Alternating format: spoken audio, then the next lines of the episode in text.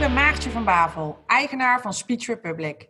Ontzettend leuk dat je luistert naar dit verhaal. In deze podcastreeks Change for Real ben ik verhalen gaan verzamelen van mensen die nu tijdens deze coronacrisis verandering voor elkaar krijgen. Vandaag spreek ik met hoogleraar Jaap Harlaag en een van zijn studenten, Lucas Otterheim. Zij zijn de geniale en stoere breinen binnen de TU die nu in razend tempo een beademingsapparaat aan het ontwikkelen zijn, wat in geval van nood ingezet kan gaan worden in deze coronacrisis. Verliefd zijn op je vak krijgt door dit verhaal weer nieuwe betekenis. Luister mee.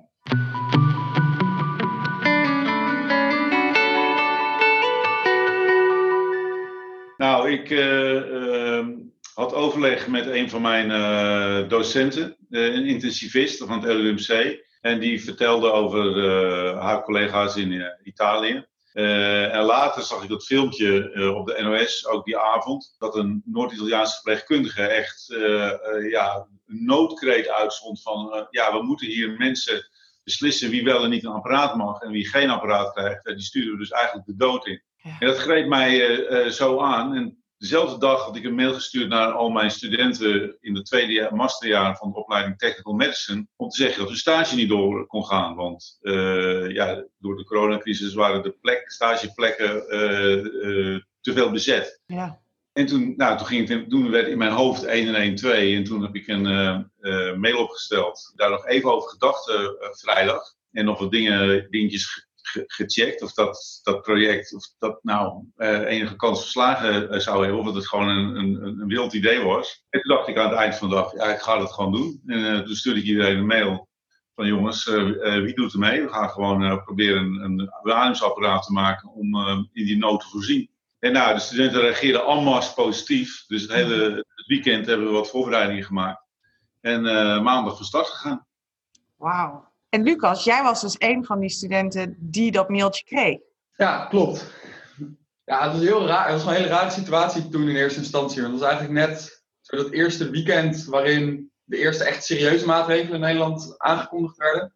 Ja, en tegelijkertijd had ik ja, de andere kant van het verhaal. Dus ik had net te horen gekregen dat mijn stage in het ziekenhuis niet meer doorging. Dus nou, ik zat al een beetje te kijken, wat ga ik nu doen? Kan misschien dan vanuit huis nog vakken volgen of kan ik nog wat anders doen? En eigenlijk, nou ja, net denk ik inderdaad bijna al mijn medestudenten, zodra ik een mailtje zag, ja, dit, dit moeten we inderdaad gewoon gaan doen. Het is nou ja, aan de ene kant dat gewoon iets, zoiets wat nou ja, misschien echt nodig gaat zijn voor de mensen om me heen. En nou, in ieder geval in Nederland en misschien ook wel uh, landen daarbuiten. Uh, en tegelijkertijd ook gewoon ja, ook een hele mooie kans om inderdaad echt nou, vanuit mijn studieachtergrond en ook geleerd heb, iets bij te dragen en het toe te passen op iets wat nou, echt in gebruik kan gaan worden genomen en waar, uh, waar behoefte aan is. Dus dat, ja, was in mijn hoofd ook wel eigenlijk niet over hoeven twijfelen om, om mee te doen. En het antwoord dat ik, uh, dat ik graag meedeed. Hoeveel mensen hebben er uiteindelijk gereageerd, Jaap? Twintig ongeveer voor het, uh, voor het einde van het weekend.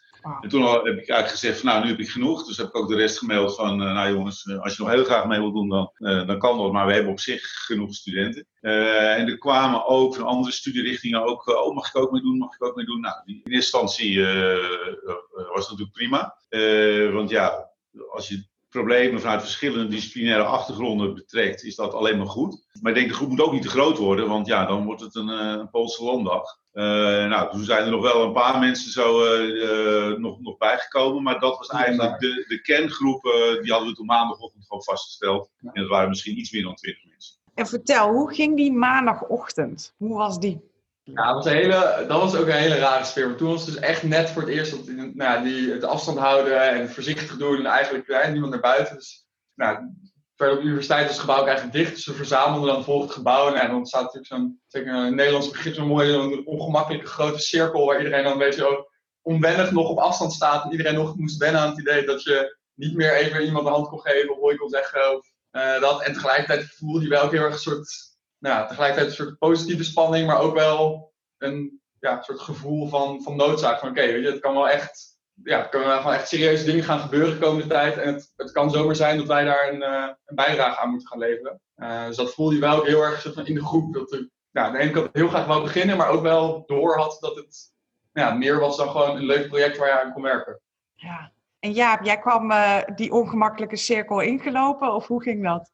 Ja, dat was. nou, ik had een kleine presentatie voorbereid. En ik had een weekend een voorstel gemaakt wat voor, hoe, hoe de werkgroepen eruit zouden moeten zien. Want je moet bedenken, het is niet alleen het, het maken van het apparaat, maar het is ook een heleboel daaromheen. Medische technologie, daar is heel veel regelgeving. Dat kan je niet zomaar invoeren. Ja. Daar is mee bezig geweest van ja, wat zijn eigenlijk de, de, de eisen vanuit juridisch perspectief? Wat zijn de eisen vanuit functioneel perspectief? Die scenarioontwikkeling moesten we ook in de gaten houden. Wat moeten we nou een heel simpel apparaat maken? Of kunnen we eh, op hele korte termijn, of moet het, uh, kan het iets complexer? Hebben we iets meer ontwikkeltijd. Helemaal afhankelijk van de dynamiek van die, uh, van die ontwikkeling. Dus ook een scenariogroep gekeken. de designgroep zelf natuurlijk, maar ook die valt uiteen in, in, verschillende groepen. En we hebben ook al in een vrij vroeg stadium uh, gekeken van hoe kun je nou deze, zo'n nieuw apparaat ook gaan introduceren. Dus je moet ook lesmateriaal uh.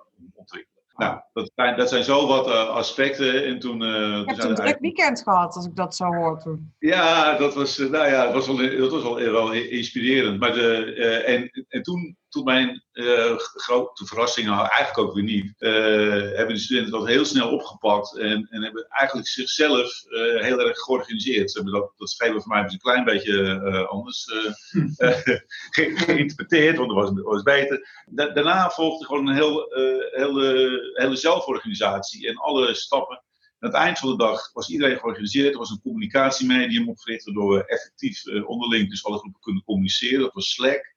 Dus ja, inhoudelijk waren we dan daar, daar, helemaal klaar voor. Iedereen wist wat hij of zij moest doen uh, aan het einde van de dag. Dus op vrijdag bedenk je dit? Ja.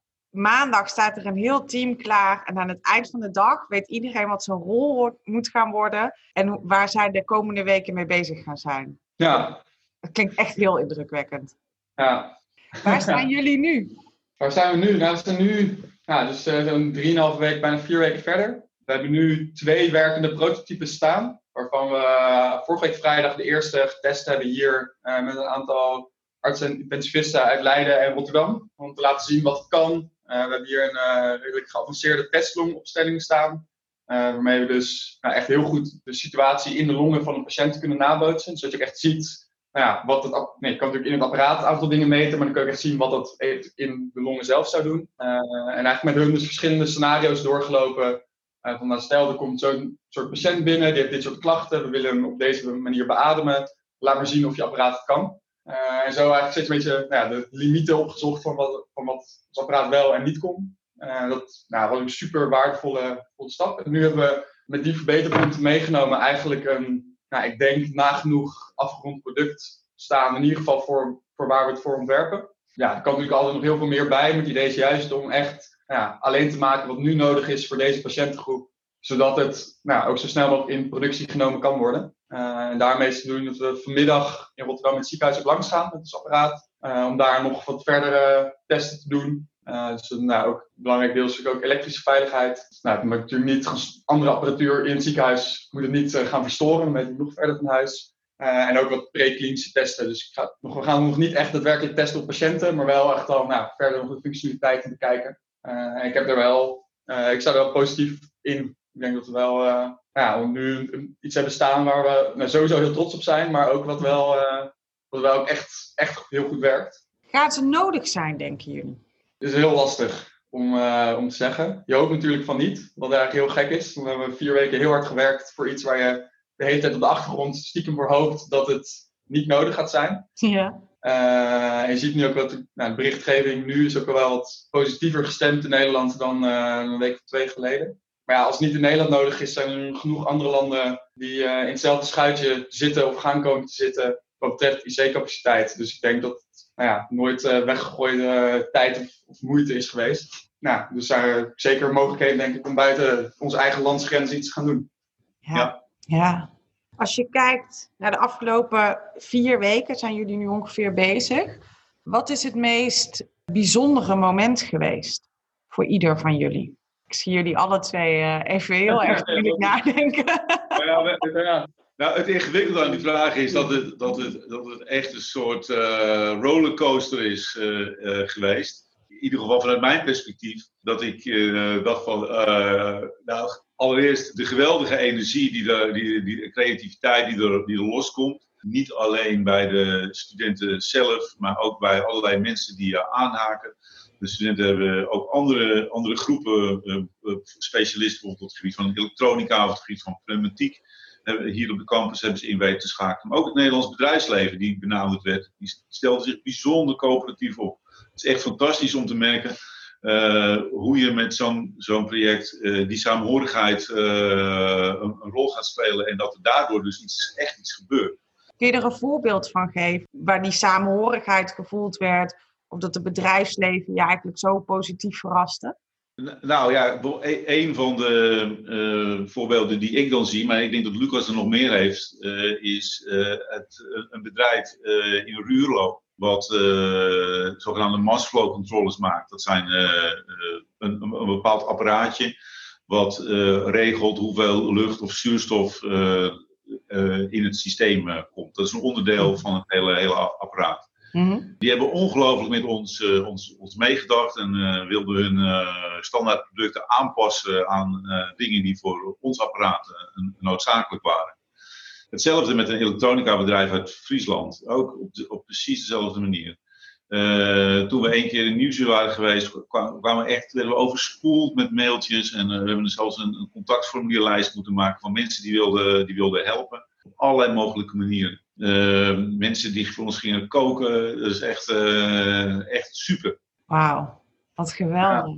En voor jou, Lucas? Ja. ja, ik sluit me er heel erg bij aan. Het is net gewoon super mooi om te zien hoe veel er in één keer kan, eigenlijk toch wel. Als uh, nou, de tijden anders zijn dan, uh, dan gewoonlijk, inderdaad. Dus, ja, dat merkt gewoon dat. Uh, je hebt natuurlijk ook denk ik, heel erg de gunfactor omdat we studenten zijn. Maar ook ja, gewoon de hele situatie waar we nu in zitten. Ik merk je gewoon aan, alles dat iedereen veel coöperatiever is, veel welwillender.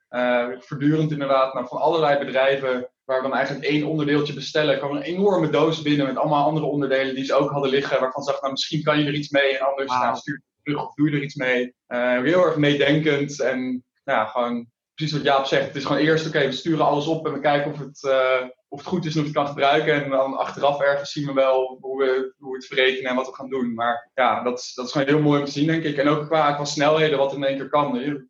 producten die op de site staan, dat het vijf tot zes weken levertijd heeft. En dan, dan bellen we en leggen een situatie uit. En dan komt er dezelfde dag nog iemand uit Veenendaal hierheen gereden met het, met het product. En dan denk ja, dat, dat kan ineens dan weer wel. Want ze hadden er nog wel ergens in liggen en dan moesten ze wat klaarmaken. Maar ja, dat is super mooi om te zien inderdaad. Om, ja, dat, waar wij hard aan het werk zijn, ook iedereen nou, gewoon heel erg meedenkt en meeleeft. En, uh, ja, ja. we hadden een probleem met ons uh, voedingsapparaat. Toen kwamen we in contact met de NS en die ging uh, de hele nacht doorwerken om het voor ons in orde te maken. Zaterdagochtend stonden ze hier met een werkend apparaat. Dus echt, ja, geweldig. Het klinkt echt, echt als zo'n bijzondere vier weken die jullie hebben gehad. En dat jullie gigantisch veel hebben gezien, maar ook gigantisch veel voor elkaar hebben gekregen. En ik zie jullie glimlach ook ontstaan als jullie zelf terugdenken aan die vier weken.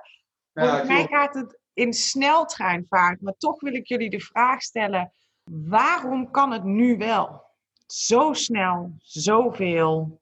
Ja, ik denk dat, dat een belangrijke reden is dat uh, uh, waarom, waarom in ieder geval deze groep studenten het, het nu kan, is uh, enerzijds omdat ze, ze niet vastgeroest zitten in bepaalde structuren.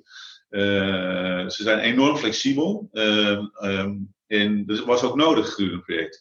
Sommige lijnen liepen dood in, in zo'n ontwikkelproces uh, ben je eerst bezig met specificeren, maar verderop in het ontwikkelproces moet je al gaan nadenken van, oh, moeten we de, de uh, productie ervan voorbereiden. Dus je moet enorm wendbaar zijn. Dat is een modewoord tegenwoordig, agile. Maar het is, het is echt zo. Nee, maar de, de, de wendbaarheid van deze groep, de flexibiliteit, is enorm.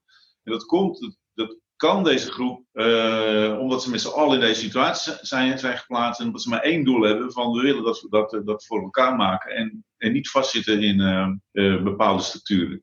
Het tweede, denk ik, wat een heel belangrijke rol is, is natuurlijk de, de urgentie en het feit dat, dat dit moet en dat iedereen dat voelt. dat, dat, ja, dat maakt het noodzakelijk. en ja, onder druk wordt alles vloeibaar, zeggen ze wel eens. Maar dat, ja, Lucas gaf net een paar voorbeelden van. Ja. Uh, en zo is het ook. Ja, wauw. En voor jou, Lucas?